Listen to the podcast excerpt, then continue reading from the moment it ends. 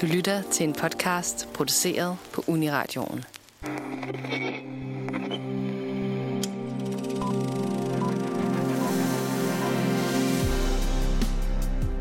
Anya Taylor-Joy er snart aktuel i Robert Eggers nye storslåede viking-epic The Northman, og det er mere end grund nok for os på Nosferatu til at snakke om hende. Det er nemlig ikke nogen hemmelighed, at vi er nogen, der er rigtig glade for hende, da hun de sidste par år har domineret både det store og det lille lærred, som alt fra heks til skakgeni til Playmobil-figur. Derfor tager vi udgangspunkt i nogle af vores yndlingsnedslagspunkter fra hendes nye og yderst sværdige karriere. Velkommen til Nosferatu.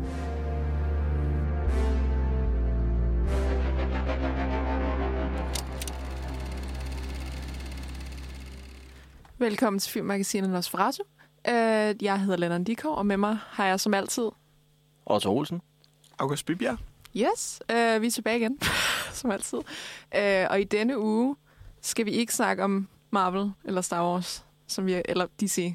Eller andet godt- superhelte nørde Vi skal ikke snakke om nogen franchises, faktisk. Og hvad? Måske lidt. Måske lidt. Uh, Og der kommer lidt. Der kommer en lille smule af. Vi skal snakke om Anya Taylor-Joy, som vi sagde i introen, øhm, som er en skuespillerinde, der er meget hot for tiden. Eller hun er meget stor allerede i sin, i sin meget nye karriere. Øh, og jeg har så lavet, jeg har lige været inde og se The Northman, øh, som hun er aktuel i. Så det synes vi var, var en god mulighed for, for at snakke om hende. Øh, fordi hun er faktisk ret spændende, øh, vil jeg mene. Og så er det tvunget de andre til det. Nej, det skal det ikke. Øhm, Ej, Jeg husker det, som om det var min idé. Originalt. så kan det faktisk ikke. to be fair. Jeg er så bare credit for det. Nej, det er fint.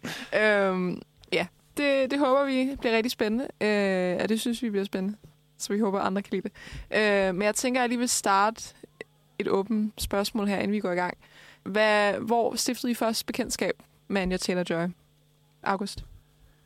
Øh, jeg, jeg så først uh, Anya Taylor-Joy i M. Night Shyamalans Split fra 2016. Og hvis uh, man lykkelig har glemt, hvad den film den handler om, så er det filmen, hvor James McAvoy er sådan en gyser, gyserskurk, der har split personality disorder, kidnapper tre piger, han holder fanget, og så skal de så prøve at slippe fra ham igen. Mm-hmm. Øh, og der havde jeg egentlig sat øh, mig på, at jeg ser den her film på baggrund af, at øh, James McAvoy og Haley, Ru- Haley Lou Richardson, som øh, har roller i. Og hvis man ikke kender hende, så skal man tage og se The Edge of 17 og Columbus, Mm. som er virkelig fantastiske film. Men så dukker hende her, øh, Anya Taylor-Joy, jo også op, og faktisk stjæler showet lidt, for os mere øh, både tale og øh, spilletid end Haley Lou og overbeviser rimelig hurtigt en om, at jamen, man kan godt gå op i hende her, selvom man ikke lige har set hende før. Øh, så lige siden da, der været sådan, hvem, hvem er hende her, og hvor er hun på vej hen? Hvor kommer hun fra? Hvor ender hun henne? Where did she come from? Where did she go? øh, hvad med dig også? Ja, jamen jeg, jeg dukkede op, jeg så hende først, øh, da hun dukkede op i The Witch. Øh, så det var så også lidt hendes breakout hit. Det var sådan den første store film, hun var med. Jeg tror, hun har lavet noget før, men øh, jeg hørte noget omtale om den, og i virkeligheden i dag, så føler jeg, at mange er bekendt med A24 og hele deres sådan, gyser stil og sådan noget, men det havde jeg overhovedet ikke hørt om på det tidspunkt, så det var sådan en, sådan en awakening for mig at sige, okay, det, det er faktisk, og det, det er ikke et overraskende for mig, at det var sådan en ny gyser kom til at se ud bagefter, for den er, den er suveræn, og vi kommer også til at snakke masser om den senere, tror jeg. Men det var sådan, altså, det, er- det var sådan en film, hvor hun virkelig viser, hvor, hvor godt hun kan være en, en relativt sådan, simpelt skrevet rolle, som ikke nødvendigvis har super meget dialog, men som har rigtig meget tilstedeværelse i den her film, og sådan er hovedrollen, og, og virkelig bærer det godt. Mm. Og sådan en, hun er en, en anti-screen queen nu, hvor hun, ikke, hun skriger ikke særlig meget, men hun, er sådan, hun dominerer de nye gyserfilm, der kommer ud. Mm. Og det, det, det er godt. Hvad med dig? Lennon? Øh, jamen, jeg så hende først i en film, der hedder Thoroughbreds, øh, som nok ikke er hendes mest kendte værk. Men det er sådan en, øh, jeg vil nok beskrive det lidt som sådan noget Heathers krydset med American Psycho. Øh, med, hvor ja, Anja, hun spiller en, øh, en forkælet rig teenagepige, der gerne vil have, hendes stedfar skal dø. Så hun skal selvfølgelig blive venner med en psykopatisk teenagepige, der har dræbt sin hest. Og det er jo så et ven, super fedt venskab. Det kender man. Ja, det, Jeg brander den rigtig godt, den her. Men, øh, men ja, den synes jeg var virkelig fed. Øh, og det var så første gang, jeg, jeg så hende, og jeg synes... Hun, hun spillede jo også lidt crazy setting, øh, og jeg synes bare, hun gjorde det virkelig godt, fordi hun var hun spillede sådan en rigtig kold og kynisk person. Virkelig fedt. Og det er hun jo overhovedet ikke, synes jeg i hvert fald, de interviews, man ser med hende. Øhm, så det var så efter der, hvor jeg så begyndte. Så så jeg The Witch, og så så jeg hende i Emma, som var noget helt andet. Øhm, så ja, jeg, jeg tror bare, det var love at first sight, må jeg sige.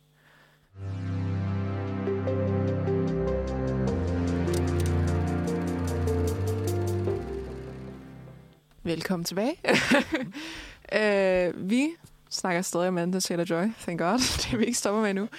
Øh, men vi tænker, at, øh, eller jeg tænkte, at øh, vi alle sammen tænkte, at vi skulle starte med lige at snakke lidt om, øh, om Anja som menneske, I guess. Eller hvad, hvad, hvad der egentlig var starten på hende, og hvorfor, hvorfor vi snakker om hende overhovedet. For nu har jo vi sagt, at hun er med i The Northman, som er den aktuelle øh, Robert Eggers. Øh, hun har også været med i en anden Robert Eggers-film, som var hendes, hendes breakthrough-rolle i The Witch. Hvilket var tilbage i øh, øh, 2015. Ja, 2015, ikke? Ja.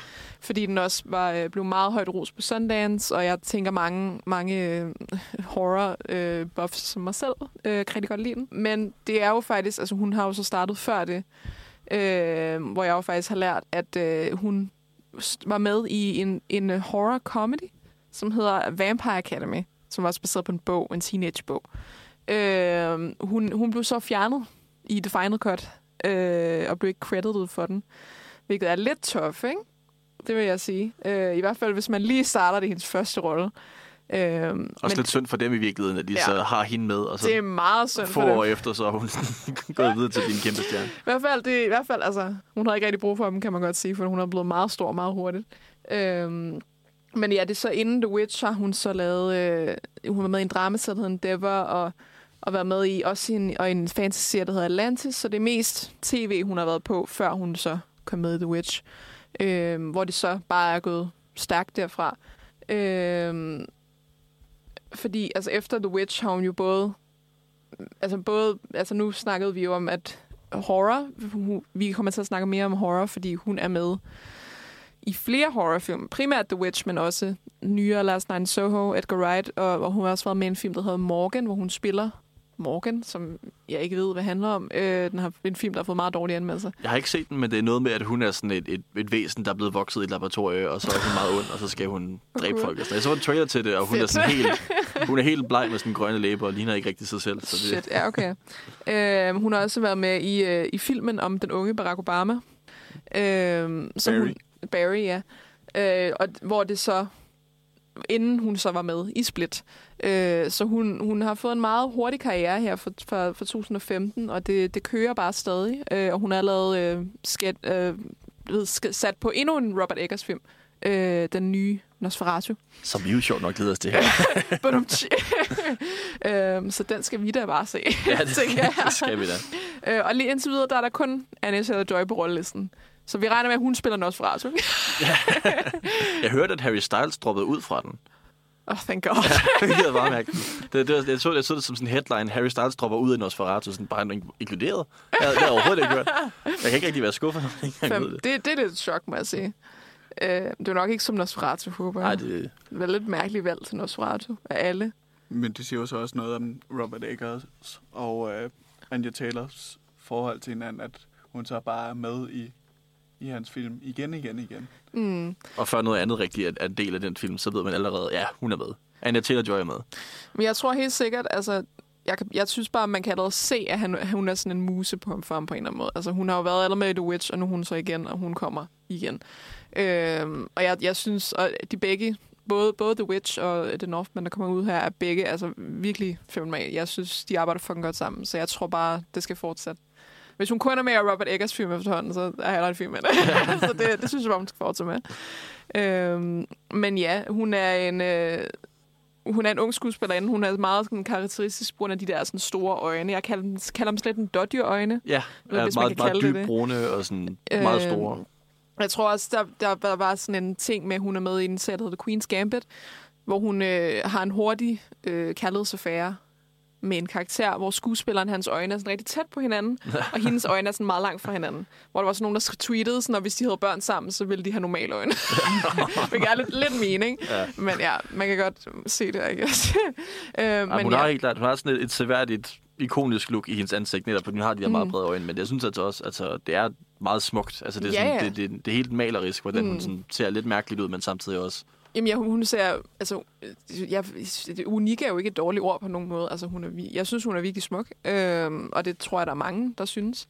Absolut, ja. øhm, og det, det siger jeg også nu, fordi øh, hvis man kender mere til hende, hvis man har set en masse interviews med hende, som jeg har, fordi why not, øh, så ved man måske, at, øh, at, at faktisk hendes ansigt, eller hendes, hvad hedder det, hun har meget snakket om, at, at hun har meget, hvad, hvad, hedder, hvad hedder det, været meget øh,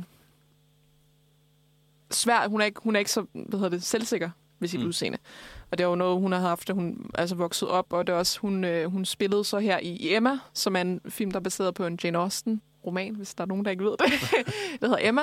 Øhm, hvor, hvor hele pointen i den er, at, at hovedpersonen er en sådan blond, rig, smuk pige, som får det meste af, hvad hun vil have, og så leger hun, du ved, matchmaker.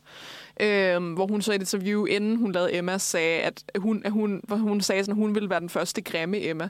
Vi kunne bare sådan totalt fuck, nej. at hun, hun tænker sådan om sig selv, ikke? Øhm, så det der, altså jeg synes det er bare, det er godt, at altså sådan, forhåbentlig, at hun kan se, at folk synes, hun er rigtig flot. Altså hun er også mega, mega talentfuld og alt det der andet, og jeg synes, hun er altså nok en af mine yndlings sådan, nye skuespillere, men også bare skuespillere generelt. Jeg synes, hun har en, altså en stor range, hvis man kan sige det, øh, at, at spille meget, for, altså, hvad hedder det, diverst, måske kan man sige det.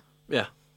Øhm, Og jeg synes også, altså det, det er helt klart et element af hendes karriere, at hun har et ansigt, som man husker. Og man skal Mm. ikke tale for meget, hvordan hun ser ud, fordi det bliver overfladisk hurtigt, Ja, ja, men det er sådan, altså hun har et ansigt, hvor man ser hende, og så husker man hende, og så har hun en, en skuespillerevne, der kan back, back det op.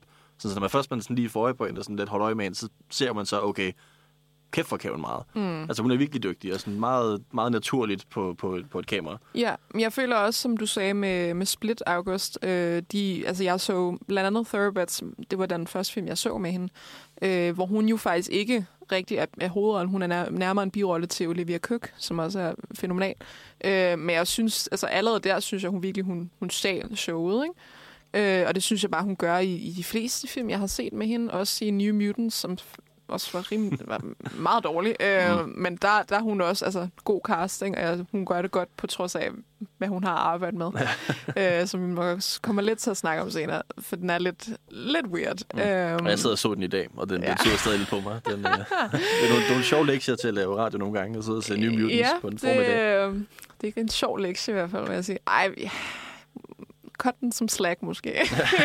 måske. Måske lidt. Øhm, ja, jeg synes bare, altså jeg, jeg tror bare, hvad der er beværkelsesværdigt for, for mig med hende, er altså ligesom, hvad jeg sagde, hvor, hvor diverst hun, hun kan spille, og hvor mange altså, forskellige måder hun har, at hun kan sætte sig ind i en rolle, ikke? Øhm, og virkelig bare, altså, så meget karisma, at hun bare, du ved, Al, altså, al, ikke fordi jeg skal tale ondt om nogle andre skuespillere, men hun har bare så meget karisma, at det er ligesom sådan, de blinder lidt alle de andre i forhold til hende.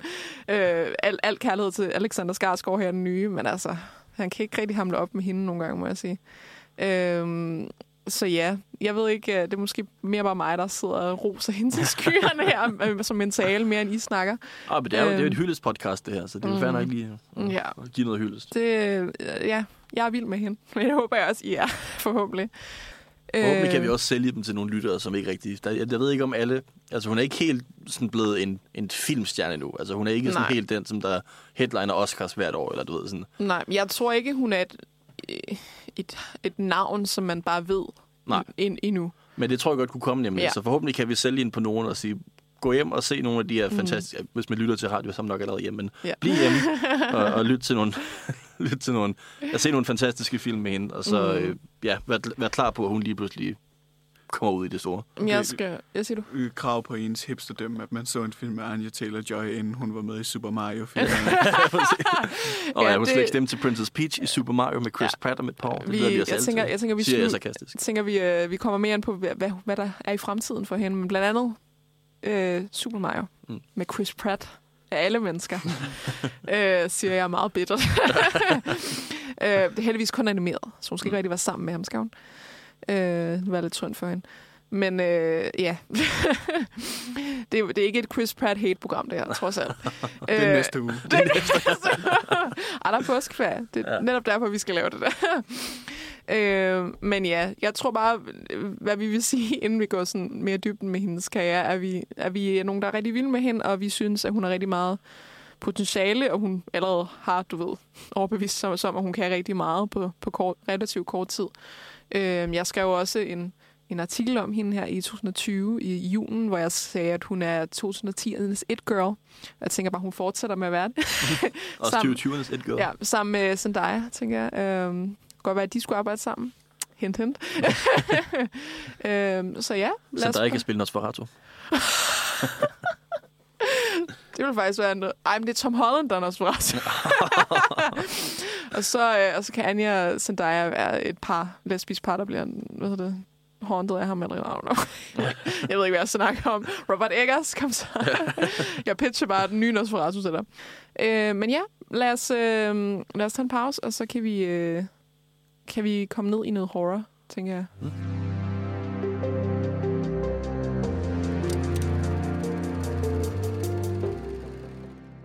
Velkommen tilbage.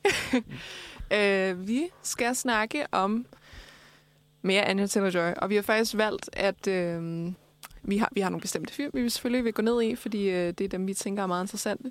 Øh, men som jeg sagde før, øh, jeg, har, jeg, vi har faktisk prøvet at, øh, at det er lidt, lidt op i sådan genre, som hun gør godt. Øh, det er Det er lidt halvt om halvt, ja, i hvert fald. Ja, det er måske bare, fordi jeg har, jeg har indset, sådan, at hun er med i flere gyserfilm. Jeg, jeg, ved, jeg ved ikke, om jeg kan kalde Northman en gyserfilm. Det er måske bare en thriller. Men, men i dystre film. Øh, og så har hun også været med i, i flere periodedramaer, som vi kommer tilbage efter. Og så en masse andet, som måske er også lidt blandet. Øhm, men jeg tror bare, at, at jeg tænkte, at det, det er nogle ting, hun har gjort nu, og hun bliver ved med tydeligvis, om jeg, som jeg synes, hun er god til. Så jeg tænker bare, at vi måske skal sætte lidt fokus på det. Øhm, men øh, Otto, jeg tænker, om du vil, du vil starte ud med, med nogle hårde facts. Nej, Ja, nogle hårde facts, men, ja. men noget, med at sige noget med, om The Witch, som vi lige har nævnt. The Witch, ja. Også kaldt The Vivitch. The Witch? The Vivitch. Så det er, det, han valgte, Robert Eggers, at stave plakaten som ikke W, men to V'er. Så man, nogle gange kalder man den Vivitch, bare for hyggens skyld. Ved vi, hvorfor valget er det? Jeg, jeg tror, han fandt det, og det kommer jeg ind på med dialogen, men han fandt det i sådan et, i, i et brev, tror jeg, fordi han er sådan, dialogen er skrevet meget som om, at det er den måde, man talte dengang, og det er baseret på breve og alt muligt, som ham og jeg tror, hans bror havde siddet og fundet. Og så har de sådan taget stævninger og udtalt, eller ikke udtalt, men du ved sådan, og så har de så prøvet at få det klemt ind i den måde, de taler i filmen. Så de taler også svært. Altså, det, det kan godt være lidt svært at, forstå den, selvom det er engelsk, uden undertekster, fordi de taler meget mærkværdigt. Og så tror jeg netop også, at han har set det ved Witch på et eller andet tidspunkt, og så han sagt, det løber jeg med, det er godt det der. Men ja, det er sådan en, på mange måder en rigtig klassisk gyserfilm. Sådan en meget altså, simpel, stilistisk, øh, ren gyserfilm, hvor man omhandler sådan en, et 1600-tallets amerikansk, altså ikke amerikansk, det er jo sådan nogle hvide europæer, der flytter til Amerika, og så hvide amerikanere, amerikansk familie, som der øh, bliver smidt ud af deres lille sådan, kommune, og så Kommune? Ja, commune i hvert fald på engelsk, men hvad siger man så? Deres, deres, det deres lille landsby, hvor de så, de, det er en meget kristen landsby, og de har gjort et eller andet ubestemt forkert, og så bliver de så smidt ud, og så flytter de så langt væk ud til lige ude ved siden af skoven, og i den skov er der så en heks, og det er jo lidt ærgerligt. Og så, er så jo- ud, Lidt ærgerligt. It's a bummer. vi kender det jo alle sammen. Så er der en heks i skoven, og så går det amok. Men så, så følger man så den her familie, og den handler jo i virkeligheden om, om, om den her meget kristne familiestruktur, hvor du har, du har faderen, og du har moren, og så har du øh, hovedrollen, Thomason, spillet af Anya Taylor-Joy, som er sådan den største søster, men i virkeligheden også er sådan lidt lavest dreng i familien, hvor en, der gør det hele. Det er sådan, hun er praktisk talt den tredje af sine forældre, fordi det er hende, der skal rydde op og ordne, og altid sådan bøje sig i stødet. Og det er så, altså det er det, man følger, og man følger det her sådan, hvordan de langsomt bliver brudt mere og mere ned af presset, og det er så, i virkeligheden, det, det er både sådan vagt, og så ikke rigtig vagt, om det er en heks eller ej, men du ved, i virkeligheden, så er det også bare det her med at bo ude et sted, hvor du ikke rigtig har sikkerhed, du ikke har mad, og så langsomt, så vender de sig mod hinanden, og så ser man den der familiestruktur. Meget tragisk, ja, for, forvirres. Og øh, Mm det bliver så også rimelig hurtigt etableret, at der er en heks. Det er ikke en spoiler. Det er sådan en, en af de tidlige scener. Så Det er i titlen. der, ja, det er i titlen, og der er en heks. Men man ser den så... Det er så en af de store katalyster for det her drama, det er, at, at heksen stjæler en baby fra den her familie. Sådan den nyfødte baby. Og det er så der, hvor moren får et helt nedbrud, og alle andre er sådan lidt i kaos over det. Og så, ja, det, det er jo egentlig også forståeligt nok. Men så er det så... Jeg ved ikke, hvad man ellers skal sige for sådan at forklare den. Altså, det er jo bare virkelig, virkelig flot filmet. Øh, altså meget sådan dystre, flotte billeder, grå skove, og sådan et lille bitte sæt, de har bygget ude ved skoven, hvor den her familie bare sidder og, og, og snakker over, over fadlys og, og råber hinanden, og lang, langsomt bliver mere og mere ked af det. Mm.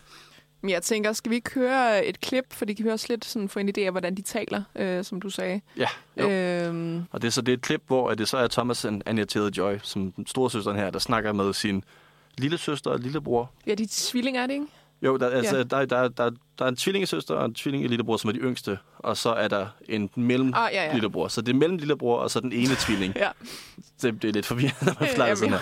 Men pointen er med, at hun snakker med nogle, nogle yngre søskende, som der er lidt bange over den af heks, og hun vinder det så mod dem. It were a Woolstor Sam. A witch. I've seen her in her riding cloak about the wood. Father showed me the tracks. It was a witch. Aye.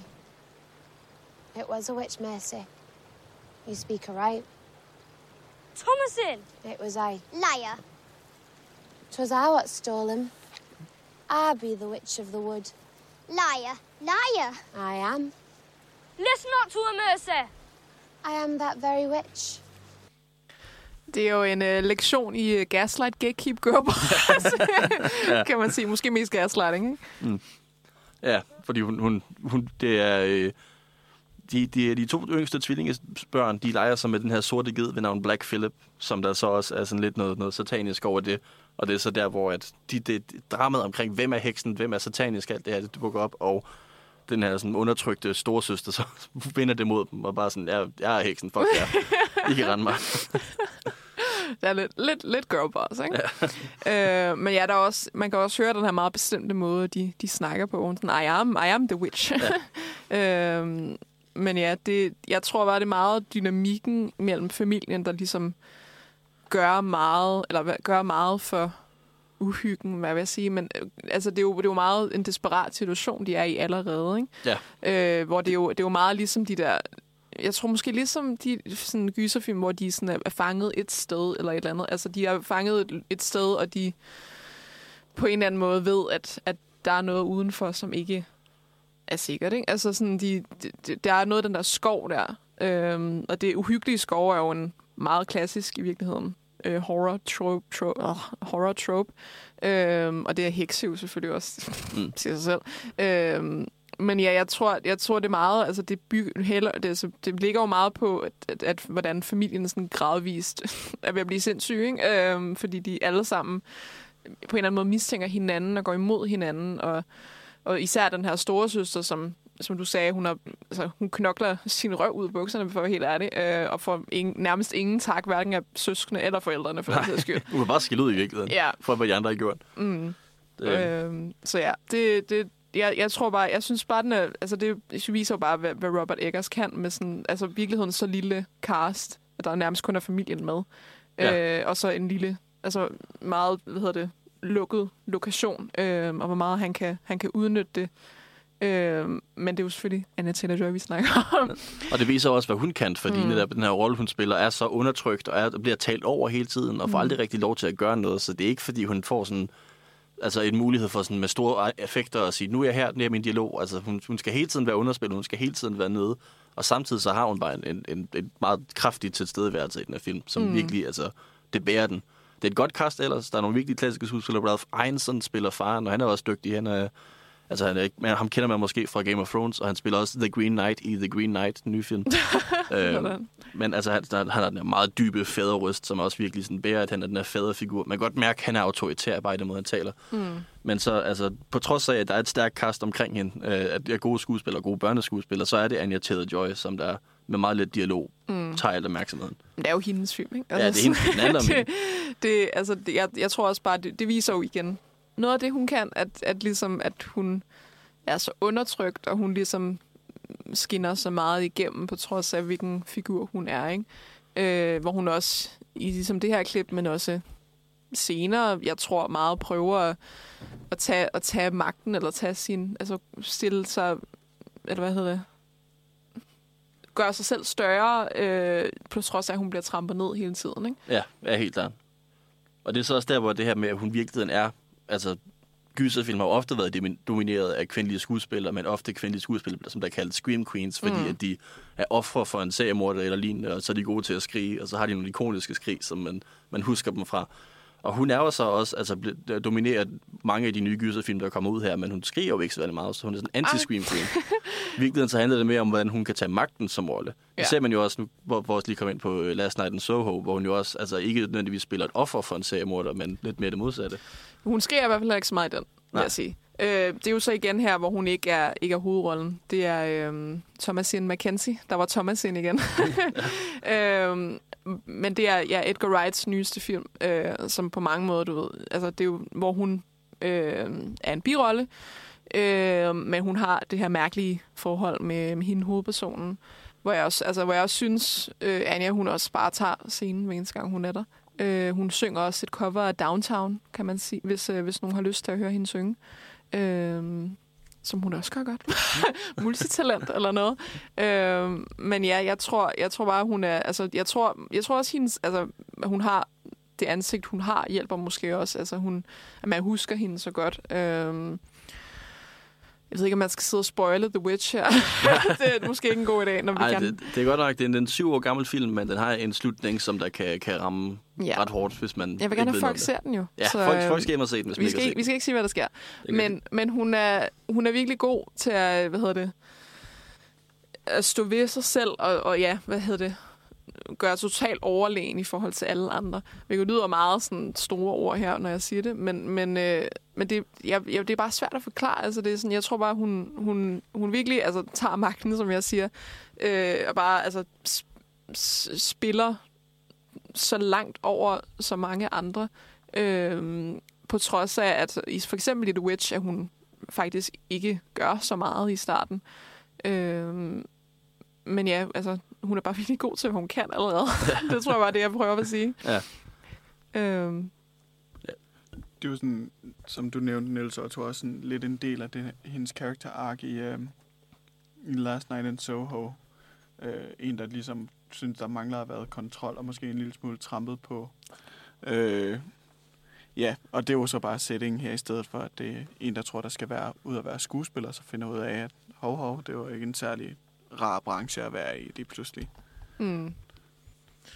Men der er jo også det der klassiske, øh, hvad hedder det, sådan virkelig flotte outfits, sådan, og krøllet hår, og sådan bangs, eller hvad hedder det, pandehår og sådan noget. Øh, hvor hun også altså, virkelig ser virkelig stilet ud, ikke? Øh, og der er, jo- der hun sådan, i Last Night of Soho, hun er meget mere, altså, hvad hedder det, der er det sådan en rigtig glitrende overflade, og så virkelig hun gemmer på så meget, altså, gys, var jeg vil sige, med så meget, øh, hvad hedder det, desperation og traume, og, og, og virkelig så meget, altså, på en eller anden måde en scream queen, og på en eller anden måde ikke, fordi igen, hun skriger ikke særlig meget. så jeg ved ikke, hvad man vil kalde hende, hvis det ikke er en scream queen. Øhm, men jeg tror bare, altså, ja, ja, hun, kan både, hun kan både spille en middelalder pige, der kun har, basically kun har en natkjole på, øh, og så kan hun spille en totalt stilet, øh, upper, eller stilet øh, wannabe skuespiller øh, med, med flotte kjoler på, som så ender med at, øh, at gå lidt crazy på grund af den, den verden, hun er i. Med, med det sagt, så vil jeg sige, hun har et meget ikonisk outfit i Last Night in Soho, som også er øh, brugt på plakaterne, Mm. hvor hun står med sit øh, meget, meget platin, eller ikke platin, bare bl- blonde hår, og så en lyserød kjole, Mm. som til forveksling også lidt ligner en natkjole. Ja, det er faktisk rigtigt. Den er meget sådan, hvad hedder det, puffet-agtig. Sådan puff-ærmer og øh, tyld-agtig. Det er faktisk rigtigt. Og hvis man skulle udpege, øh, I ved, sådan Scream Queen i Last Night in Soho, så må den pris gå til Thomasin McKenzie. Det er rigtigt, Ja. ja. Hun får ikke rigtig så meget andet at lave i den film, end at gå rundt og være bange. Hun er, hun er ret bange meget af tiden, ja. Det, Anja er ikke så meget. Øhm, Ja, vi kan måske også lige snakke lidt om Split, som jo også er en gyserfilm. Ja, lidt, komme det lidt kan vi dybere godt. ind på den. det er den, når du ser det, har du ikke, August? Jo, det, det har jeg. Der var, øh, det godt nok nogle år siden, og som, altså, som vi nævnte, så er det jo egentlig, man skulle tro, det var James McAvoy, der var trækplasteret her. Mm. Der har så været en lille smule, øh, hvad hedder det, drama omkring det. siden Kontrovers. Han, kontroverser, fordi at det er måske lidt ærgerligt at tage sådan, hvad der i bund og grund er psykisk sygdom, og så gøre det til sådan Ja. øh, en en måde at, at, at det er måske en lille smule cheap, tror jeg, er den bedste måde at beskrive det på. Det, det, det, det er øhm, um, DID, Dissociative, Dissociative Identity Disorder. Um, og det er jo, ja, jeg tror bare, at, som du siger, det er cheap. Det, det er jo, altså, at, at skyserfilm har så lang, så lang en historie om at bruge psykisk sygdom til at være sådan, åh, de er onde. Ja, og det, Og det, er det er en de. rigtig, en rigtig sørgelig Ja. stereotyp også, fordi at folk med skizofreni og DID og mm. det der, de har jo de faktisk større chance for at være ofre for vold, Præcis, end for at ja. selv at være udfører af det. Så når filmen hele tiden vender tilbage til det, så giver han så lidt ligesom, Ja. at altså, hver eneste gang, at de, de viser Jaws i biografen, så går folk ud og dræber hajer. Altså, det, er sådan, det, det, det, det skaber nogle negative stereotyper, som mm. har nogle, nogle rigtige effekter. Præcis. Øh, og det trækker jo lidt, lidt ned fra filmen, som egentlig ellers er, vil jeg sige, rimelig god. Mm-hmm. Det er en rimelig fin film. Altså, det er altså, selvfølgelig James McAvoy, han gør den her klassiske skuespillerting. Jeg tror også, det er derfor, de bliver ved med at vende tilbage til altså, de her skizofreni og, og og alt det her det der med, fordi det, det er sjovt at se en skuespiller spille mange roller. Mm. Og det gør han altså også godt. Øh, og så har man så også igen en, en, en anden skuespiller, Anya Taylor-Joy, som så kan modspille ham, og som Ja. ja. man faktisk med en enkelt rolle, som man nok til at Men hun er så en af dem, der bliver kidnappet af de der piger, ikke? Ja, og det, det, det, så vidt jeg husker, så er det tre piger, der bliver kidnappet, hvor to af dem er sådan lidt nogle populære nogen, og så er Anya Taylor-Joy sådan lidt en taber. Åh. Og så er det så hende, som sådan kan lidt spille ham, sådan kan lidt forstå, okay, så når du er den her personlighed, så kan jeg måske agere sådan her, og så kan det komme Ah. ind. Så det er sådan en, en ret, altså det, ja, det er ærgerligt, for det er egentlig en god film. Mm. Den er også filmet rigtig godt, og det er sådan, det er M. Night Shyamalan, Shm- Shyamalan, Shamalama Ding Dong. Shamalama Ding Dong, Shyamalan, som øh, Edgar Wright kalder ham. som, jo, som jo er sådan en, en, en sjov instruktør, fordi han en gang imellem kommer og laver en rigtig god film, og så en gang imellem kommer han og laver han fem skåret film i træk, og så får han lov til at lave en god film igen alligevel bagefter. Så laver han Split, og så laver han Old. Ja, Så er han sådan, Ja. mm, det var noget af det, hvad hedder det, plot twist, hvad man siger. Altså fra de to film, ikke i Old. Der var ikke noget, der var ikke noget, der var ikke noget godt plot twist over. Der er dejlig anti-plot twist, det ved ikke, om man skal spoil, men igen, folk skal jo ikke tage- hen og se Split. Men der er, et anti, der er et godt anti-plot twist i Split, fordi at det så viser sig, at det faktisk er et, et start på et superhero franchise, et cinematic universe. Fordi Ja. ja. det er en, en toer til Unbreakable med Bruce Willis, oh, hvor der så også kommer en træer, øh, eller der kommer en træer, som ikke lige, øh, hvad hedder den? Glass. Lars, ja. Øh, Anya Taylor-Joy er ikke med i Unbreakable. Det er måske lavet, før hun blev født, men Ja. øh, den er i hvert fald, Måske. det, det, der, det er stadig en god film. Og så, men er, ja, hun, er hun med i Glass? hun er med i Lars, så hun, Okay. hun er med i det her cinematic universe Ah, okay. af M. Night Shyamalan-film. Fedt. Så- For hun er jo også med i New Mutants, Ja, så, som er som, øh, ja. et Fox X-Men øh, superheltefilm-univers, som, mm. ja, det kommer vi også til at snakke om senere. Det er der meget at sige. ja, det tænker jeg, den, den tager vi lidt sit eget øh, spotlight, som måske ikke rigtig fortjener, men øh, ej. Men jeg Øh, forestiller mig helt klart, at, at hun kommer til at fortsætte, altså Anya Taylor-Joy kommer til at fortsætte med at være i gyserfilm, fordi mm. jeg tror også, det er sådan en ting, hvor I, at, altså, da, da folk så, da, da alle gyserfilminstruktører, når de så The Witch, og de skrev de sådan hendes navn ned, sådan, nu skal jeg, nu ved jeg, hvem der skal med i den næste. Altså, det er sådan, der er bare et eller andet ved hende, som passer rigtig godt, mm. både, både til sådan at være lidt mere offret og lidt mere den aktøren i en, gyserfilm. Mm. som Men jeg tror også helt klart, hun kunne også godt være en Scream Queen, jo. Det kunne hun sådan, sagtens, ja. hun- Jeg ved ikke, hvor godt hun skriger, men altså, hun kan Nej. synge, så det vel lidt det samme. Det er sådan Faktisk vokal. rigtigt. Altså, det, er sådan, det, det, det lyder lidt mærkeligt, når jeg siger det her, men jeg så Quiet Place, hvor jeg, hvor jeg, altid, hvor jeg altid havde tænkt, at Emily Blunt, hun havde sådan et godt ansigt til at skrige. Og det, Ja. synes, jeg også, det synes jeg også, at Anja havde. Ja, det lyder det- virkelig mærkeligt, når man siger det, men sådan, det har hun bare. Øh, så det tror jeg helt klart også, hun kan. Men altså, altså jeg, jeg joker ikke engang helt, når jeg siger, sådan, at jeg godt, godt kunne se hende som vampyr. Måske ikke lige Nosferatu, men, men uh, Måske Camilla. Carmilla, ja, det kunne faktisk være ret. Ej, det kunne være fedt. Ja, den er helt klassisk. Med Zendaya. wow! Camilla, for dem, der ikke ved det, det ved du lidt mere om end mig, tror jeg, men den helt klassiske, sådan, før Dracula, lesbisk vampyrfortælling. Ja, jeg skrev bachelor om det her. Så du ved lidt mere. Øh, måske. Øh, Carmilla er en, øh, en, en øh, kort roman øh, af øh, Sheridan Le Fanu. Jeg ved ikke, det er ikke et særlig kendt navn. Men han skrev en, øh, en, en gotisk roman om øh, lesbiske vampyr, eller en lesbisk vampyr og en menneskepige. Øh, 40 år inden, at Dracula var en ting. Og Dracula er åbenlyst inspireret af den. Men det er stadig kun Dracula, som de fleste men, men, mennesker kender. Det er lidt sjovt, ikke? Ja. Øhm, Men jeg synes, det var, altså, vi har to, måske tre Nosferatu-film. Ja. Faktisk fire, hvis man har, der var også lavet sådan en, en mærkelig fan-remake for nylig, fordi mm. nu er det sådan offentlige rettigheder, men nu må alle lave det. Men der er de to. Der er den helt klassiske sort-hvide Nosferatu-film, så er der Werner Herzogs tyske en, og så er der Shadow of the Vampire, som er sådan en metafilm, der handler om, hvordan at Nosferatu blev filmet med Willem Dafoe som Count Orlok, a.k.a. Nosferatu. Mm. Øh, så vi har faktisk ikke brug for en. Altså, jeg elsker Robert Eggers, jeg vil se alt, hvad han laver. Vi har ikke Mm. brug for en ny Nosferatu-film. Men Nej. en god Carmita-film med Anya Taylor-Joy, det, det vil jeg gerne pitche til ham. Skal vi ikke sige... Ja, det er det, han gør Ja. efter Nosferatu. to vampyrfilm i træk. Han kan lave sit eget vampyr cinematic universe. og det er sådan. ja, så laver han. Nosferatu, og så laver han Camilla, og så laver han Dracula. Og Nosferatu er jo Dracula, så det... ja, men han er jo ikke Count Dracula. Han er jo Grev Orlok, ikke? Jo, jo, men historien er den samme. Ja, det var så det. Lad os tage en pause, og så kan vi gå videre til næste runde. Næste tema. næste time.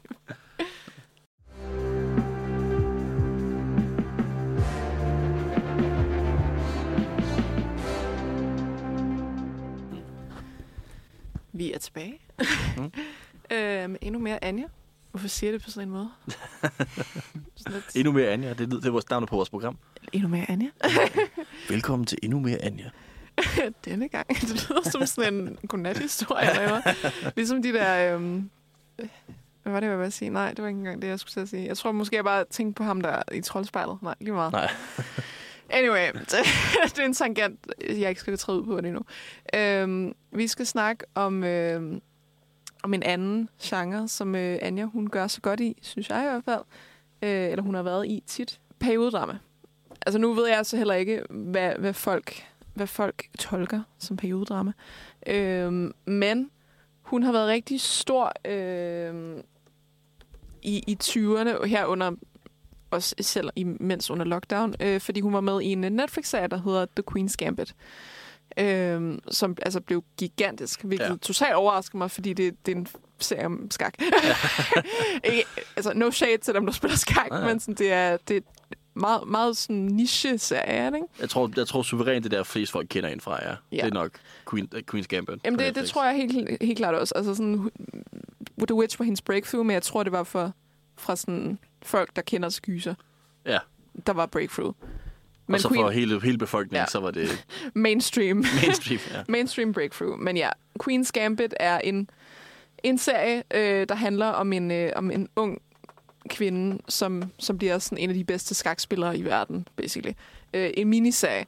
Og den er så baseret på, på en novelle, der hedder det samme, øh, fra 1983.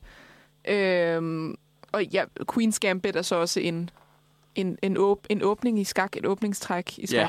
Jeg ved intet om skak, by the way. ja, det, det, en gambit, det er, Ja. når man laver, jeg ved ikke, hvad en Queen's Gambit specifikt er, ja. Ja. men det er, når du laver nogle åbningstræk, hvor I, du så satser nogle brikker og håber på, at de andre tager dem, for så at få en, en Ja. forhånd senere.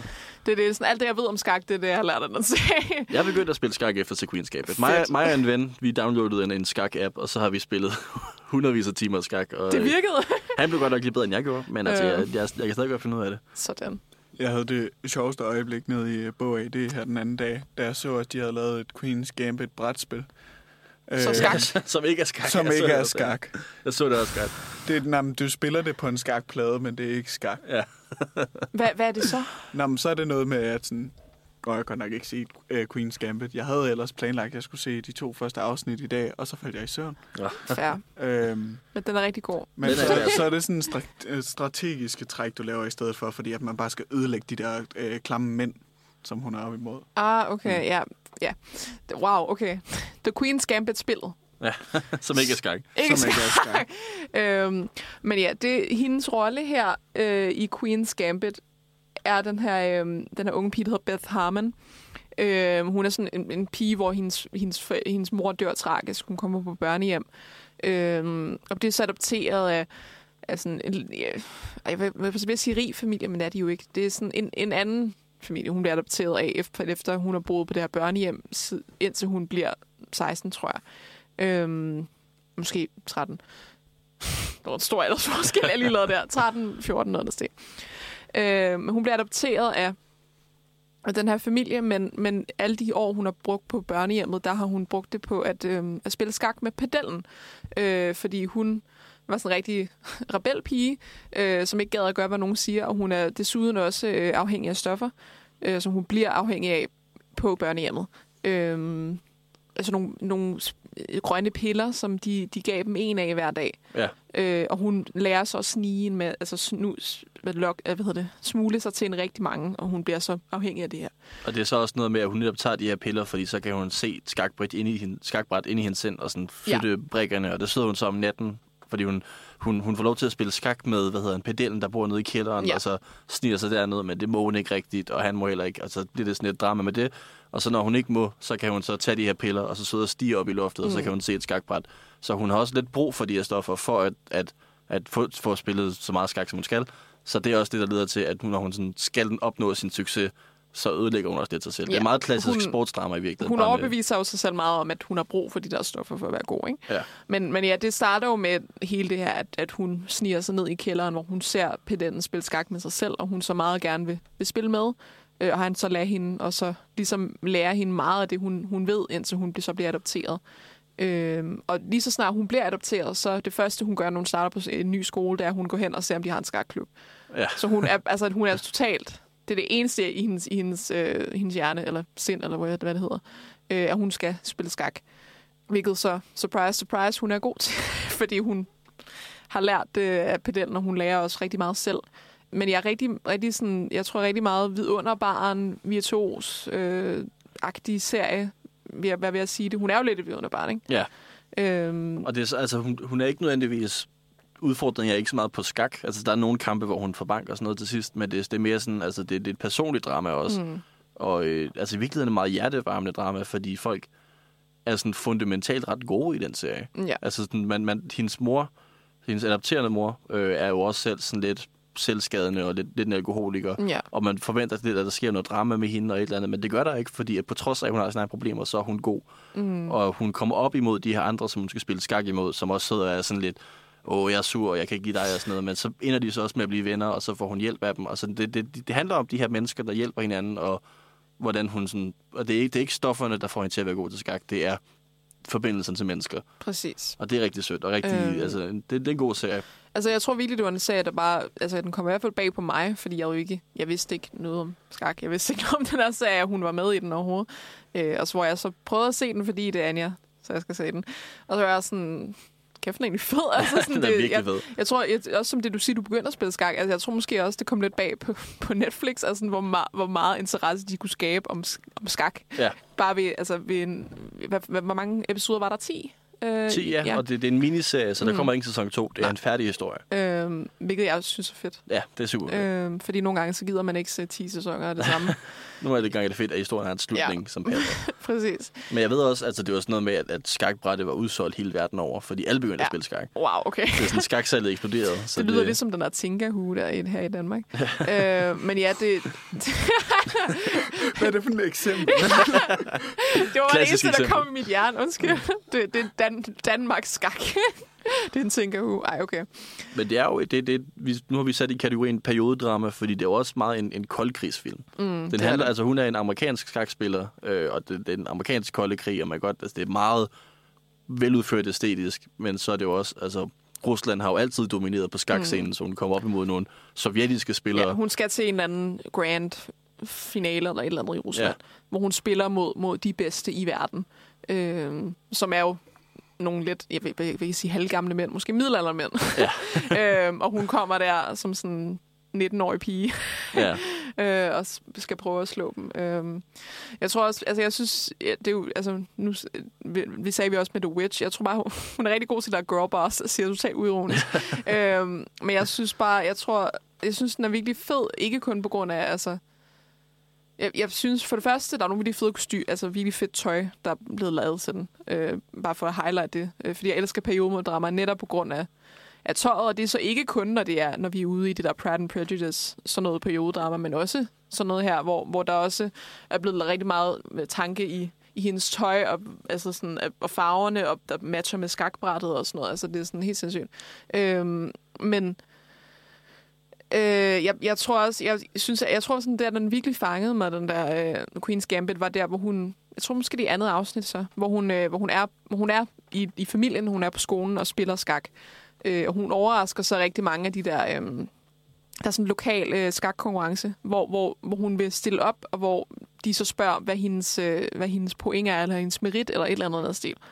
Jeg kan ikke, jeg kan ikke huske, hvordan skaksystemet fungerer. Nej. Men der er et eller andet system med, at man skal have noget et eller andet, et, Ja. et, et ry på en eller anden måde. Men for, man bliver rankeret, når man spiller Ja. skak, ja. øh, hvor de så spørger hende om, hvad hun har, og hun siger jo intet. Jeg har ikke jeg har kun spillet skak selv jo.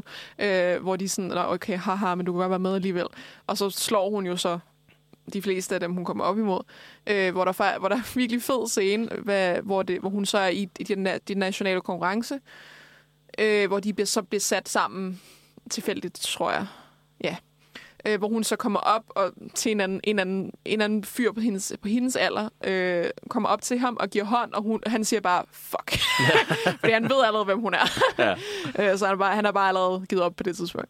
Øhm, så det synes jeg var virkelig fedt. Altså, det er sådan, det, det, hun virkelig sådan etablerer sig hurtigt, øh, og bliver sådan lidt en, en figur, som de andre frygter, ikke? Ja, også det, den legende er, den her, Ja. ja. den her 18-19-årige skakspiller, som der bare mm. kan, kan det hele og dominerer alt. Ja, men det er jo så, altså, det er jo, bliver jo så hurtigt det der med, som du sagde, at pointen er ikke i, at, at hun skal være en, en figur, som hun, der bliver befrygtet, og hun skal bare slå alle, alle mændene, der er over hende og sådan noget. Altså, det gør hun så også. Det gør hun også, ja. fordi hun er sej. øhm, men ja, det, det kommer mere til at handle om altså, det fællesskab, hun finder ved det, øhm, og, og, og de, hvad hedder det, de bånd, hun knytter, øh, på trods af, at, altså, på trods af alt det, hun har været igennem.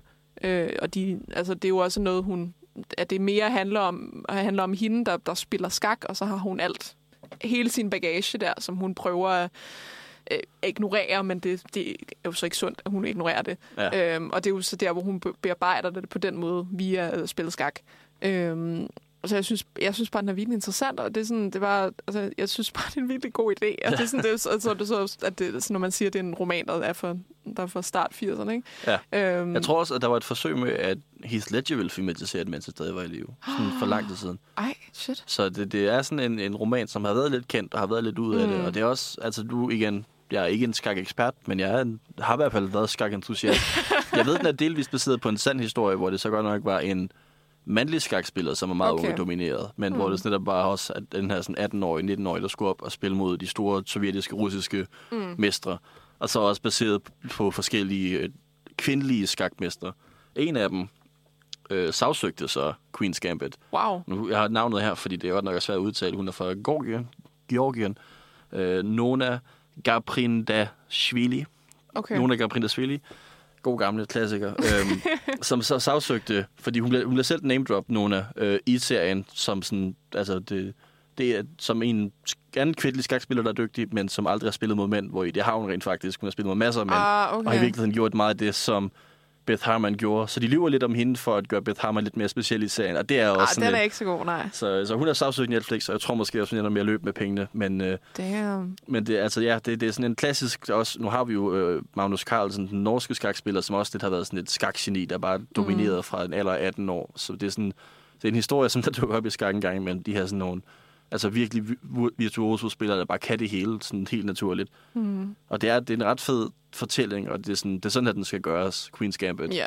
Jeg synes, den er skal- virkelig fed. Nu hører jeg jo så det der med, at den ikke er så god i det der, men altså... Jo, det, det er en enkelt sætning, som Ja. de, sådan, de lige skulle have ikke inkluderet. Ja, men jeg tror også, altså, nu kommer det jo, altså, jeg ved godt, det kommer til at lyde, lyde lidt overfladisk, hvis jeg siger igen og igen, jeg synes, hun er rigtig smuk. Hun er jo mega talentfuld, men jeg synes også, altså, sådan, jeg, jeg synes, de udnytter vel også, at hun, hun er så flot. Altså, der, der er sådan meget, altså, de virkelig filmede den, vi, altså, især de der, altså, bare totalt godt lavet det hele, med især de der scener der, med det der kæmpe den, hvad hedder det, jeg ved ikke engang, man kan kalde det, men det er sådan en skygge af et skakbræt op i, i, i loftet Ja. øh, op i, som hun sådan kigger op på, og når også når hun sidder midt i, øh, midt i en skakkamp, i, skakkamp, skakspil, Skakspil, ja.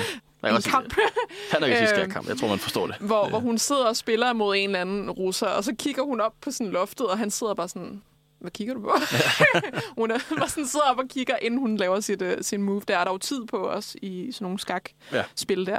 Øhm, og så, men der er også mange, altså mange øh, hvad hedder det, shots, hvor, hvor de filmer på skakbrættet og bare kører op til hendes ansigt sådan over skakbrættet. Vi, også selve plakaten er også hende, der sidder øh, over et skakbræt. Ja. Øhm, så det er virkelig, altså jeg, jeg synes bare, hun er virkelig i, sådan, i, i sit element. Jeg vil ikke sige sande element, for hun har rigtig mange sande elementer. men hun er virkelig sådan i sit S. Altså det er virkelig sådan et, et, en par, et virkelig kraftfuld rolle, synes jeg. Ja. De gør også noget, der som jeg synes er lidt sjovt. Og i virkeligheden også, det virker, når man sådan lige har vendt sig til det. Men fordi de har jo også... Det er Anya Taylor-Joy, der spiller Beth Harmon mm. op igennem aldrene. Så de har, jeg tror, de har sådan en, en 10-årig Beth Harmon, som så spiller en anden skuespiller, men så 13-årig, så er det faktisk stadig Anna Taylor-Joy i en Ja. alder af sådan 22. Hvor, altså, man kan godt se, at hun ikke er 13-årig, men samtidig mm. så er det også lidt federe, at det er den samme skuespiller løbende, og Ja. hun, altså, det, så får hun sådan lidt mere pigeagtigt tøj på, måske filmet sådan, så hun ser lidt lavere ud, men det er stadigvæk sådan...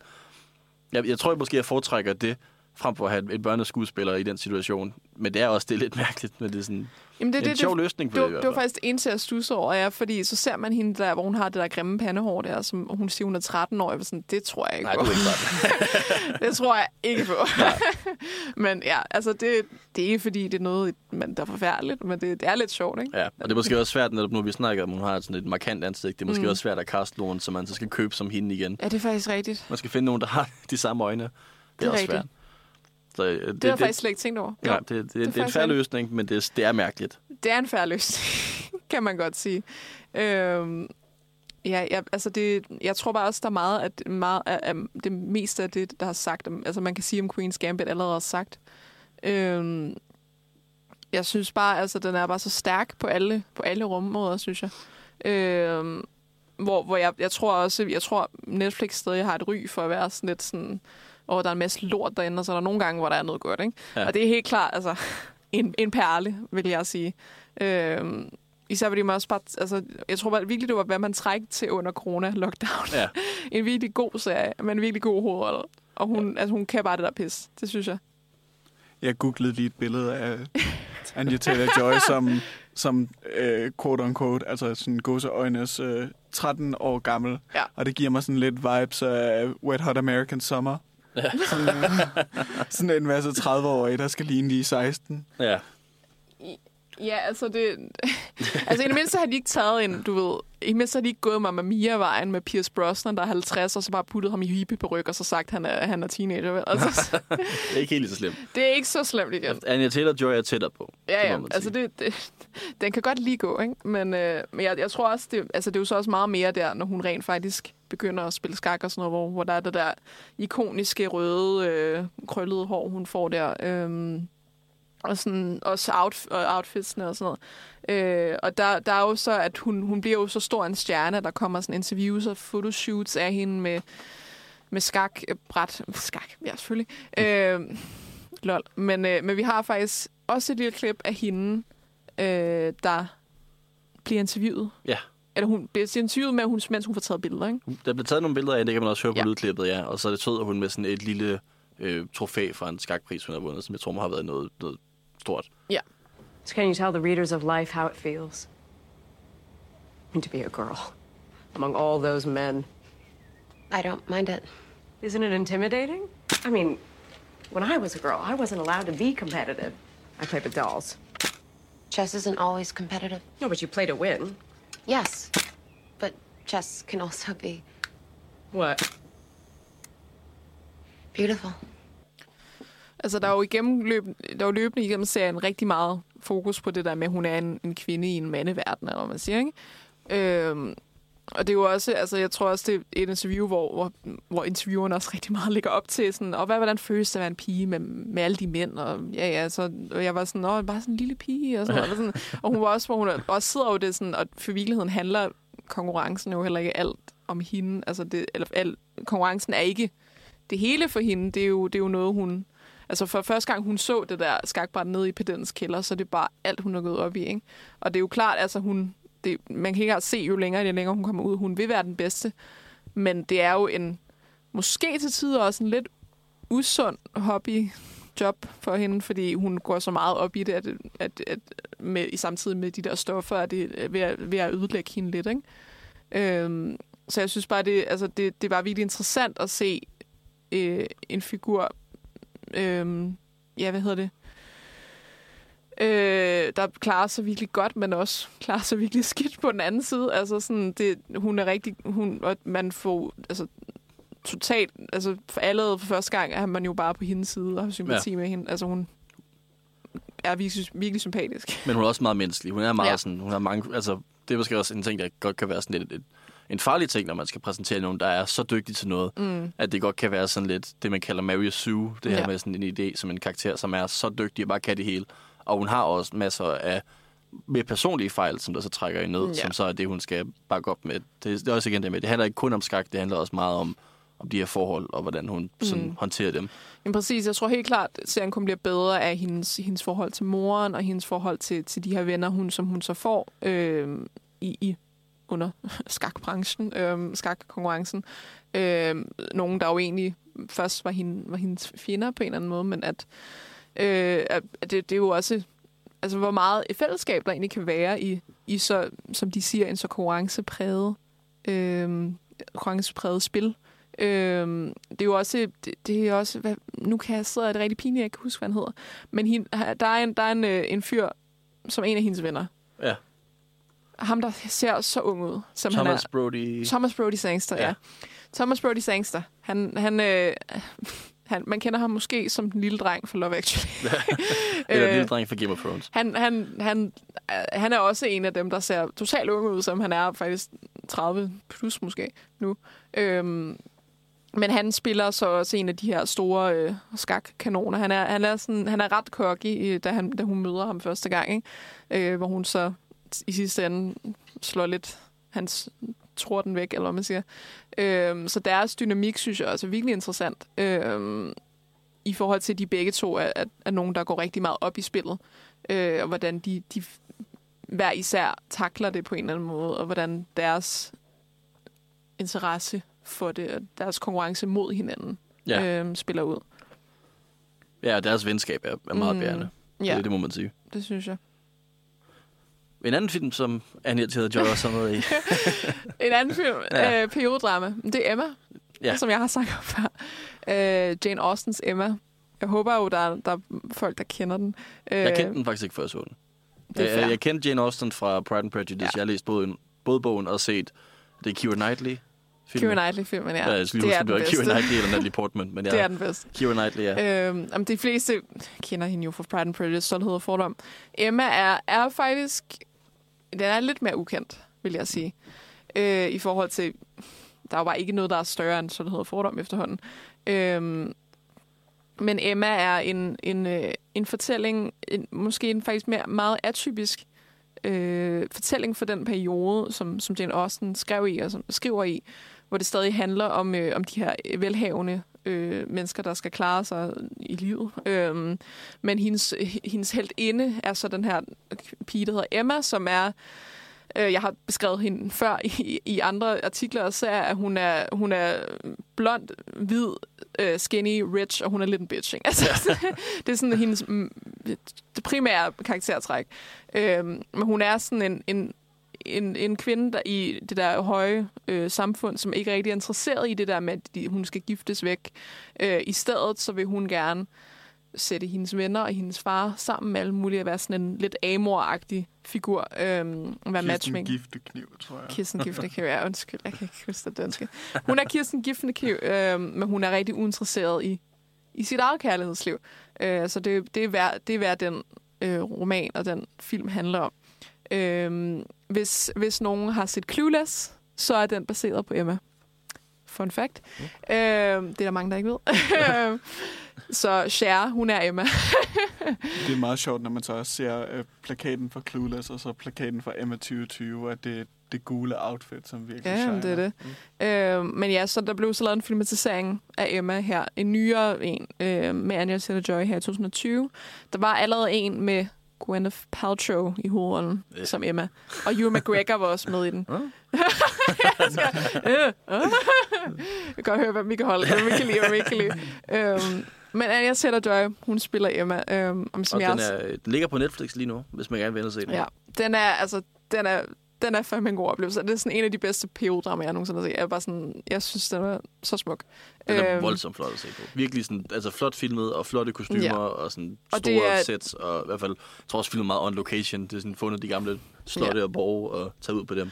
Altså, det er jo periodrama. En, en del af charmen er jo det der med, at de skal have store, flotte kjoler på og kostymer, og det er meget, hvad, hvad man går ind til.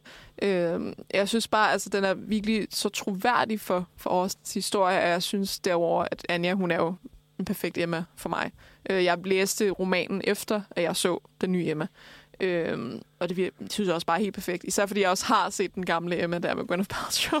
og Anja er bare meget bedre. I'm sorry, men det er hun bare.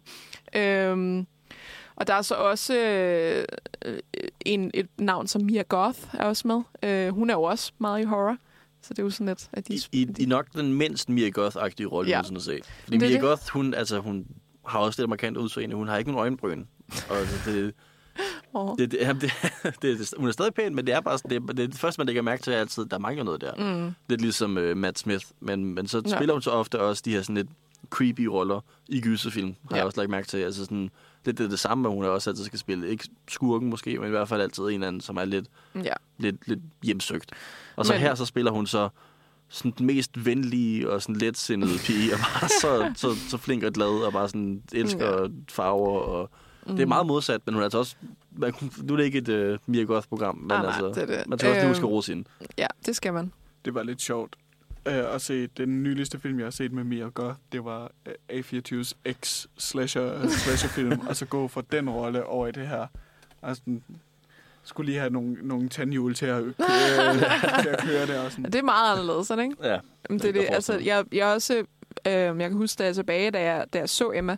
Øh, den er instrueret af en instruktør, der hedder Autumn The Wild, som, som før har lavet musikvideoer. Og det synes jeg også, man kan se i forhold til, altså, hvor smuk og fortællerisk den er. Og sådan, at der er rigtig mange pastelfarver, og det her gule kjoler, og øh, også, altså, at, det, at det sådan, den er delt op i... Jeg vil lige sådan, den er, den er delt op i kapitler, men ikke rigtigt, for den er delt op i sæsoner. Øhm, så der er fire dele af filmen for hver sæson. Øhm, og jeg synes bare, altså, Anja, hun gør det bare fantastisk som altid, men hun er, hun er bare virkelig god i den der, den der overklasse bitchy rolle, øhm, som så anden- måske gerne vil have kærlighed. Hun er bare sådan, hun, hun er bare, hun vil bare hellere gerne have, have næsen i andres affære, for at sige det ikke så pænt. Øhm, men det er sådan, Emma er jo. Hun er meget uperfekt. Øhm, og i virkeligheden tror jeg også, at Anne, hun spiller også uperfekte roller rigtig godt. Øh, også i The Witch, for den sags skyld. Mm. Øhm, ja, jeg, jeg synes bare, Emma, det er sådan... Det er bare sådan en ting, jeg, jeg synes, man skal snakke om. Den er, den er virkelig fed. Måske bare for at eksemplificere, hvad Lennon sagde omkring det her med musikvideoaspektet, og hvor flot en øh, mise en scene der er. Så øh, undervejs så besøger Emma og Mia Goths karakter, jeg mener, det er Mrs. Smith, Det er Harriet. Harriet, Ja. øh, en merkantil butik, og alle farverne af de her stof, øh, stof, det popper bare i øjnene på mm. en. Og det er jo, hun ser jo sig selv Kirsten Giftekniv, så hun ser hende af Harriet i alle de her kjoler, mens de sam, samtidig prøver at stikke, stikke af fra Miranda Hart. Der er sådan lidt, øh, øh, Der spiller den mest irriterende kvinde i byen, ikke? ja, sådan på grænsen til neurotisk. Øh, Ja. øh, men ja, det, det, det er bare en virkelig flot scene. og, Øh, det, der kan man gøre sig selv tjenesten at se den. Mm, jamen, den er, jeg tror kun, jeg kan rose den. Altså, der er også, jeg, der er også sådan, du ved, øh, der er faktisk to, hele to skuespillere fra Sex Education med fra Netflix, mm. hvis man har set den. Øh, og ja, nu, nu sidder jeg igen fumler med navnet på ham, præsten, som jeg med, Josh O'Connor. Josh O'Connor, det er ham. Mm. Øh, som også er ved at blive lidt stort navn. Øh, så mange, mange up-and-coming skuespillere i den film, som med Anja selvfølgelig i, i centrum, øh, som alle øh, bare spiller virkelig godt, og jeg synes også, hun Anja formår også at have kemi med alle, hun er sammen med. Især den, især i den film. Øh, altså, det, det virker bare totalt let, altså som om hun ikke engang prøver. Øh, og det gør hun, gør hun måske se. Men øh, Det er også den rigtige hvem er hvem af, af klassiske tv-serier og, og altså, du ved, alt, alt, alt mulige klassiske britiske tv-serier og film, hvor det bare er folk fra... Altså, en, en, en skuespiller, som jeg ikke har set siden, føler jeg, men som er med i Sherlock, som spiller sådan ham der politi... Whatever. Strad. Lestrade, ja. Som der så også, nå, det skulle da ham. Altså, men det er sådan rigtigt, hvis man godt kan lide sådan at, at, at slå op på IMDb, mens man sidder og ser en film, så er det en god film at se. hvis Emma, man kan fordi- godt lide det, ja. fordi- Ej, ham har jeg set Ah, noget. hvem er det herfra? Så kan man sidde og diskutere det med sig selv, og så ser man det i rulleteksten. Nå, det var der, og så det, det er sådan en perfekt film for det, fordi mm. det er sådan lige den der sådan kaliber er ikke, det er ikke de største stjerner, men det er folk, der har været med i ting, altså man, mm. altså i hvert fald mange af dem, og som er meget dygtige. Det viser jo også bare, altså, give nu plads til nogle nye, ikke? Eller sådan, måske ikke kun nogle nye, men give plads til, til at man ikke har, du ved, Angelina Jolie. Ej, jeg elsker Angelina Jolie. Man ikke skal have du ved, Brad Pitt i alle roller, eller Bruce oh. Willis i alle roller, eller whatever. At man også kan give plads til, til nogle talenter, der, man måske ikke, der måske ikke er et, øh, et household name endnu. Men det synes jeg, Anja skal være. og det bliver hun da helt sikkert. Ja. Det tror jeg kun, vi kan allerede nu sige. Øhm, men vi er ikke færdige endnu. Vi tager en pause, og så vender vi tilbage med de blandede. Jeg kunne ikke have sagt det bedre selv.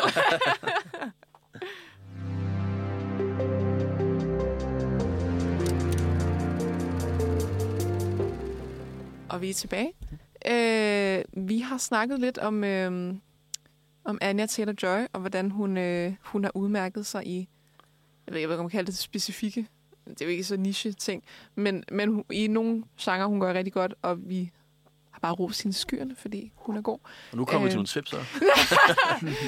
øhm, for hun, hun, har, hun har ikke kun været med i god film, desværre. Øhm, hun, som vi teasede før, hun har faktisk været med i en Marvel-film. Det er så ikke en MCU-film, men den hedder New Mutants, eller The New Mutants, The New Mutants, ja. som er en, en X-Men, Fox, Marvel-ting. Ja, ish. Det, det hele blev jo også det blev super kompliceret, fordi at altså, mens de var i gang med at lave den, og en anden X-Men-film, så købte Disney Fox. Så det var sådan lige under den, der, hvor det hele sådan, det skulle foldes ind under The MCU, og, de, og så havde de så den her mærkelige gyserfilm med en X-Men-film, øh, skrevet af, og instrueret, tror jeg, Josh Boone, kan det passe? Ja, øhm, som, altså, som har- ikke rigtig har lavet meget før. Så det, det, var også lidt, altså det var meget mærkeligt, og der er ikke rigtig, det var en fin nok trailer, men der var ikke rigtig nogen, der vidste, hvad det skulle være, og det var tydeligt, at Disney ikke havde en plan for det. For det var sådan, den første trailer kom ud i, jeg tror, 2017, og så kom filmen ud i 2020, fordi de bare sådan havde gemt den i kælderen, og sådan ikke rigtig vidste, hvad fanden de skulle gøre med den. Og det er sådan en, en, en mærkelig, mærkelig film, som ikke rigtig opnår nogle af de ting, som man vil håbe på. Så det, det, det er lidt sørgeligt i virkeligheden, fordi det, det er sådan en, altså, man kunne, man kunne pitche den lidt som Breakfast Club med superhelte. fordi det er sådan en masse teenager, og det, det er alle de klassiske teenager. Det er Charlie Heaton, tror jeg, han hedder, som er med i Stranger Things, og så er det Mhm. Maisie Williams, som er med i Game of Thrones, og så er det så Anya Taylor-Joy, som også lidt der var begyndt at blive en stjerne. Så det er sådan teenager, man genkender, der er fanget sammen, og de er alle sammen superkræfter, og de er alle sammen, de er alle sammen usikre, og så kan de finde ud af sig selv. Men den, den, altså det er hverken sådan en god teenage-drama, eller en god superheltefilm, eller en god oh, gyserfilm. Så det, det, den opnår ikke rigtig at blande det sammen og gøre noget sjovt med det.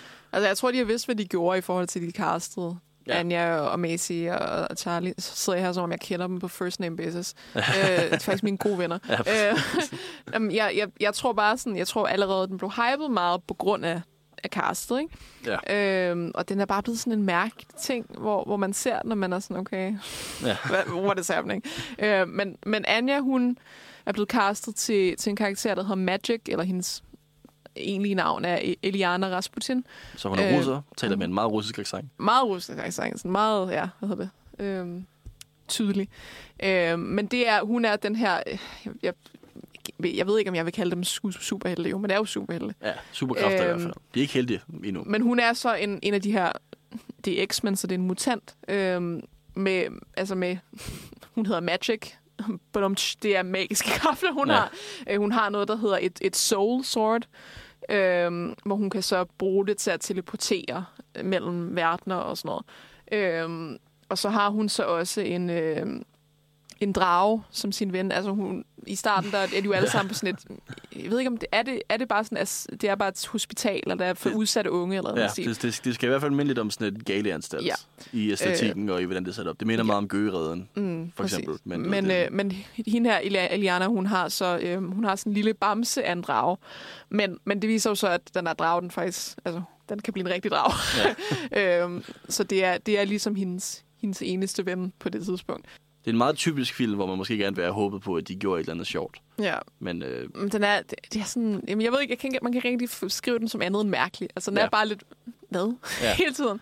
der, der, Øhm. der, der kunne sagtens have været sådan lidt lightning in a bottle, lyn i en flaske okay, vi fanger noget specielt og gør noget Mm. unikt her, men det lykkedes ikke. Og det er jo det på trods af, at det faktisk var nogle rigtig spændende karakterer, synes jeg, som de har. Altså udover Eliana der, Magic, er der jo så også Mirage, hvor, hvor hun er en mutant, der øh, hun, hun, hvad hedder det, hun skaber illusioner baseret på andres frygt. Og hun ja. også, det er også derfor, at hendes mareridt også er hendes, hendes eget frygt, og det er jo så at der begynder at ske ting på hospitalet, som så faktisk stammer fra hendes drømme. Det, det, er, sådan, det er sådan en mærkelig, mærkelig film, hvor man bare, altså, der sker bare en masse ting, og man sidder bare tilbage og sådan, okay, så det Ja. sket. Øhm, og jeg tror bare, det er sådan, det er også bare så underligt, fordi jeg tror også, den blev hyped på en eller anden, på en eller anden level. Netop på grund af, at det var mange af de her unge, hotte skuespillere, der var med. Øh, så der var i virkelighed en del potentiale i det. Øhm, og jeg synes også, altså, at Anja, hun gør, hvad hun kan med, hvad hun har. Øhm, Jeg synes, mange, altså, jeg synes, de alle sammen gør det meget godt. De, synes, de- det, er ikke, jeg det er ikke synes- skuespilleren, der er problemet. Det er Nej, mere nej. sådan manuskriptet, der er mange, der Jamen, det er det, altså, de er, jo, de er jo alle sammen gode skuespillere. Det kan man jo se. Ja. Øh, det er bare, altså, det er jo bare en virkelig mærkelig film, de befinder sig i. Der er Øhm. ikke øh, nogen øh, dumme undskyldninger endnu med, at det, det er en eller anden det blev fucket op under, øh, under redigeringsprocessen, og der kommer øh, call til et boon cut om halvandet år. Så, Jeg, jeg tror netop, det er lige omvendt, at de rent faktisk skal have lov til at lave sin egen version. For de havde lavet reshoots, og så gik det sådan lidt tilbage, der hvor der var den her treårige pause. Så modsat, så har vi set The Boon Cut, så måske kan vi spørge om The Producer Cut. the producer Kan vi ikke sådan Release the producer cut. Ja, kan vi ikke få andre til at komme ind i retten? Wow, det er lidt sjovt faktisk. Øhm, men vi har faktisk også et, et klip af Anja i den her film. Øhm, nok hendes mest prominente, prominente scene i, i den her film. Øhm, Der er en kæmpe stor dæmonbjørn, som øh, angriber dem alle sammen ind i den her sygeanstalt, kan man sige. ja, Øh, og det er så den modige øh, Magic, spillet af Anja, der skal ja. stille sig op mod den her bjørn og, Jeg og synes bare, man, andre. man skal høre den her scene. Ja, man er nødt til at høre det for sig øh, selv. Det, det, er- den er svær at beskrive, kan man sige. What are you going to do? I'm going to play with it. Get her out of here.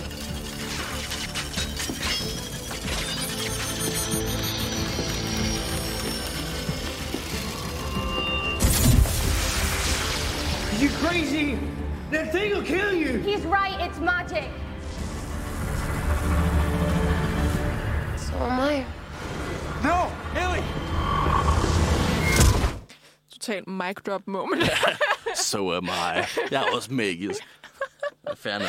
altså fair nok, når hendes, øh, hendes superhelternavn er Magic, I guess. Så er det sådan, Det er virkelig sådan, man kan godt føle sig, at, at Josh Boone sad og klappede sig selv på skulderen, da han skrev det. Og det var bare ikke, det var ikke et, et, et stort Oscars top 5 cheer moment, han måske håbede på, hvor det var sådan, nu skal vi alle sammen... det skulle være top 5 Oscar Ja, cheer moment. der, klapper man i, der klapper man i biografen. So am I. Ja. Øhm, men ja, det her, hvor hun får det der soul sword, der kommer ud af hendes arm, og så går hun ind i en portal øh, til en anden verden, og så skal kæmpe mod den her bjørn. Øh, vi går egentlig er ret cool i teorien. Øhm, I teorien. det er så bare lidt mindre cool, når hun siger det her. øh, man kan også høre hendes meget tykke russiske, russiske accent her.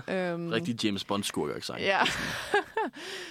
øhm, men ja, det, det er, det, jeg tror mere, man, man griner. Jeg griner af den, og jeg cheer over den. ja. Ja. Det, Det er jo det, fordi vi bliver nødt til at snakke om hvad, hendes fremtidige karriere. Fordi hun er jo allerede, som sagt, hun er allerede med i Nosferatu. Hvornår end den kommer. Uh, who knows? Med Robert Eggers. Det, det ved man ikke. Øhm, men hun har rigtig meget mere allerede på programmet, øhm, som jeg jo glæder mig rigtig meget til. Jeg glæder mig til Nosferatu. Udover det, så er der øh, Super Mario-filmen, som jeg ikke glæder mig til. øh, men det er, en, ja, det er en animeret Super Mario-film, kan man mm. godt høre på navnet. Men Anya Taylor-Joy, hun skal simpelthen spille prinsesse Peach, hvil- hvilket ja, I mean, ja, hun er en blond pige, det er vel Mm. Passende nok. men jeg tror hun skal lægge stemme til. Ja, så det, ja, det, jamen, det, jeg ved det godt, men altså, det, det er, vel også, passer vel også fint, men så er der jo så det med, at Chris Pratt, han skal spille Mario. Ja. øhm, hvilket, jeg, hvilket var det, der den, den casting, da den nyhed kom ud, så var det jo, det alle stussede ved, sådan, okay, Hvorfor det? Hvorfor? Resten af castet er rimelig solidt. Altså, Ja, det er altså, Jack Black, som skal lægge stemme til skurken Bowser. Ja, og det er store, øh, fucking ultimative- fedt. Det er super sjovt. Han det burde være. Mario. Han, er- han være en fantastisk Mario. Øhm, vi har også Charlie Day som, øh, som Luigi. Han burde være Mario. Ja. øh, Keegan Michael Key som Toad. Han kunne også være Mario. Seth Rogen som Donkey Kong. han kunne Nej, være mig. jeg ved ikke, om han kunne være Mario. jeg elsker det. Han kunne også være mig. Han kunne også være mig. Øh, Fred Armisen som øh, Cranky Kong. Han kunne godt være Mario. Cranky Kong, det er den originale Donkey Kong. Nå, Så, så det helt første Mario-spil, så spillede man mod Donkey Kong, og så senere kom der en ny Donkey Kong, og så blev den originale Donkey Kong se, man Cranky lærer Kong. jo hver dag. Ja, ja. Der, der er meget Øhm, dybt lore i Mario. Det, ja. Men øh, den skal hun være med i. Ja. Hvilket bliver en, en, en interessant oplevelse, kan man jo sige. Øhm, derudover så hun også øh, sat på øh, Furiosa. oh ja. Og det er jo øh, en origin story til øh, Charlies... Ther- det hedder, hedder hun Charlies Theron. Theron, ja. Øh, karakter i Mad Max Fury Road. Øh, hun skal så spille den unge version af Ja. hende, Furiosa. Og den er stadig instrueret af George Miller, som har instrueret Ja. nogenlunde alle Mad Max-film. Han har sådan øhm. halvt instrueret Mad Max 3, men det, det er en længere historie. Hvilket jo er spændende. Ja. Øhm, ja. Øh, den eneste anden, hun har på castet lige nu, det er Chris Hemsworth. Mm. Øh, så ja, det, det, det tror jeg er en, man mere kan glæde sig til, vil jeg sige. Jeg tror, ja. Hun, kan godt, jeg tror, hun gør et ret ret fedt job i forhold til, hvor, hvor, hvor stor en range hun har. Øh, har hun, hun, det, er jo, det er jo det eneste action hun var med i, det er så New Mutants. Ja. Men vi tænker, at den her bliver bedre, ikke? Åh, måske. Skal vi ikke lige håbe det? Jeg håber ved Gud, at Chris Hemsworth han er skurken i den film. Mm. Ej, jeg kunne virkelig godt se ham være sådan virkelig maniacal, øh, virkelig over the top Mad Max skurk. Ja. Sådan, giv ham sådan det der øh, øh, åndedrætsværn, som ham der øh, har på i... Åh, oh, ja. Mm. Ja, og hvad fanden hedder det, han er? Jeg kan godt huske, det er Mad Max 2, hvor der er sådan en mega muskuløs bodybuilder, som har sådan SRM-gear på, og så en, en mærkelig maske, og så står og snakker med den her dybe stemme. Mad Max har en historie af de her meget muskuløse skurke, så det vil give mening, hvis Chris Hemsworth også skulle være, Ja, men han, han, er, han er jo muskuløs. han, er, han er blevet stor for den nye tur, kan man godt nok sige. Ja, det, det, ja, det er også tror. Øhm, så det kan man sige. Øh, en sidste ting, som jeg ved, hun skal være med i, det er en, der hedder The Menu, øh, som er en horror. Jeg tror også, det, det er noget horror-komedie. Mm. Som, der er kommet rigtig meget casting-nyheder om, men man, der er ikke en dato endnu. Men, øh, men det er en, en film, hvor hun spiller sammen med Ralph Fiennes og øh, Nicholas Holt, blandt andet. Hvor det er så ja, et, et eller andet med et, et par, der, der besøger en, en, en, ø, en meget lille, sådan, ukendt ø, og så er der så en restaurant, der har en eller anden menu, som nok går ud i noget horror noget. I don't know. Hvis man kunne gætte, kunne man sige kannibalisme. Det er næsten altid kannibalisme. Det er det. Men øh, derfor kan det jo stadig være meget spændende. Anya Taylor-Joy som Hannibal Lecter. that, that's her next. øhm, men det, det er sådan de, det, der er på hendes program lige nu, hvilket jo egentlig lyder fedt, synes Ja. jeg. Altså sådan, allerede det der Nosferatu alene er sådan, altså, man kan bare se, hvor prominent hun, hun er og fortsætter med at blive. Og jeg synes bare, det, det går opad hele tiden. Men, men jeg tror bare, at, at jeg, jeg er rigtig glad for, at hun får så meget hype, og hun får så meget øh, opmærksomhed. Øh, fordi hun er virkelig, virkelig talentfuld, og hun også, altså også hun er virkelig god til, til det, hun gør med, med, med skuespil, men er hun også, altså, synes også, hun virker sådan en, bare sådan en fed person generelt, sådan udadtil, altså sådan, når hun er i interviews og presse og sådan noget. Altså, hun virker som en, altså, hun har rigtig meget karisma, og hun kan få alle til at kunne lide hende, og det, ja, ja, Ja. ja Og så rigtig. nu, altså, vi har jo snakket meget om period movies og horror movies, men det er også, altså, det bliver fedt nok at se hende kunne branche ud til nogle andre ting måske også. Altså, Helt hun sikkert, netop, ja. altså, jeg tror helt sikkert, hun kan bære den her Furiosa actionrolle, og det bliver også meget sjovt at se, hvordan hun gør det, fordi hun ikke har prøvet det før. Ja. Altså nu har hun jo også lavet nogle lidt, lidt lollede med der med Playmobil, så det ja. kan hun jo allerede med Super Mario. øh, måske bliver, bliver Super Mario bedre end Playmobil. Det må vi få at se. Det, Det må vi jeg få venter i se. spænding. Venter, Det ja. Vi, vi må, det, Nosferatu, øh, Nosferatu skal nok få skrevet en rigtig uanmeldelse. en rigtig god anmeldelse af Super Mario. Ja, Men jeg tænker vi måske, jeg lige, jeg lige skal give mine 20 cents på uh, The Northman her. Oh, ja. Ja, The Northman, hvor, øh, hvor hovedrollen er Alexander Skarsgård, der spiller The Northman in question. Øh, han spiller en, en prins, som, som skal hævne sin familie. Øh, hvor han så møder den her heks. Wow, hun spiller en heks igen. Eller ikke igen, men hun spiller en heks. Øh, Anja Taylor-Joy, hvor de så har et forhold, og de plotter at gå imod den her konge øh, og besejre ham. Eller få ham ned med nakken. Øhm, og det er virkelig, altså det er en viking-epic. Altså der, er- man kan se, der er virkelig lagt meget tanke i det, men også altså, gjort virkelig meget research på Robert Eggers front, og han har ar- sammen, skrevet den med, med, med skandinavier og, og folk fra Island, og også flere danskere bag kameraet, samtidig med, at der også er Klaas Bang i en af rollerne, øhm, som også gør det meget godt, synes jeg.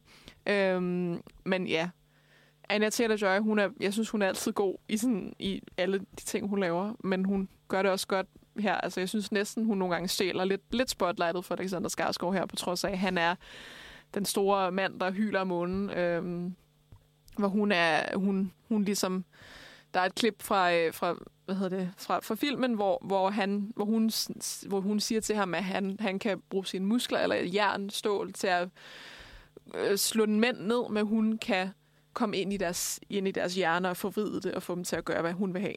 Øhm, så det, og det synes jeg jo også er en, en rolle, hun lidt har spillet før, men hun, hun gør virkelig, øh, virkelig godt. Øh, og The Northman synes jeg også bare var en fed film generelt. Jeg havde høje forventninger til den. Det har jeg også. Og jeg har ikke var- set endnu, men øh, Den er god, mig. det kan jeg sige. øhm, den, den får en god anmeldelse for mig, det kan jeg i hvert fald sige. Øhm, ikke kun på grund af Anja, men øh, der er Der er meget, også der, meget på. der, der er også meget, øh, meget i den. Der er en to minutter, der er øh, Bj- Bjørk, er det så, man siger det? Bjørk, Ja, Bjørk. øh, som Bjørk. dukker op i to minutter, og så er det det. Og hun er på plakaten alligevel. Ja. Øh, Willem Dafoe er der nok i fem minutter eller et eller andet. Øh, men ja, det er et stort cast, og de gør det godt. Og Anja, hun er bare fed som altid. Øh, så det er bare, jeg tror bare, det bliver godt at se hende endnu mere Robert Eggers, hvornår end Nosferatu kommer ud. Så den ene, eller nu ved jeg ikke, om han, så hun er, hun er så ikke med i The Lighthouse, desværre, men øh, der kunne hun også være med. Ja. Ja, jeg tror, hvad vi skal konkludere er, at vi, vi synes, at Anna Taylor-Joy er virkelig et stjerneskud. Og det synes jeg, hun er en it-girl, der fortsætter med at være en it-girl. Så ja, rigtig meget kærlighed til hende. Ja, shout out. Er det, er det ikke det, vi skal sige? Shout out til Anja Taylor-Joy. Shout out til Anja Det er det hele programmet handler om. Øhm, Respekt. øh, ja, skal vi sige, at, øh, at vi siger tak for i dag? Ja, tak fordi I gad at lytte med. Tak fordi I gad at lytte med. Øh, tak til jer to, øh, og to August, fordi vi, I vil være med mig. Selv tak. Øhm, det var mega hyggeligt øh, at snakke om Anja. Og så vil jeg bare sige tak øh, igen, fordi I lyttede med. I kan lytte til alle vores andre podcasts på Spotify, eller hvor end I lytter til podcast, hvor I nu vil. Øh, I kan læse vores anmeldelser på nosferatu.dk. Der kommer min anmeldelse også op af The Northman, så stay tuned. Så kan I følge os på Facebook og på Instagram, og selvfølgelig også følge Uniradioen på Facebook og på Instagram, og lyt til alt andet, Uniradioen laver på vores hjemmeside. Øh, ja, tak for i dag. Tak for nu. Pas på jer selv.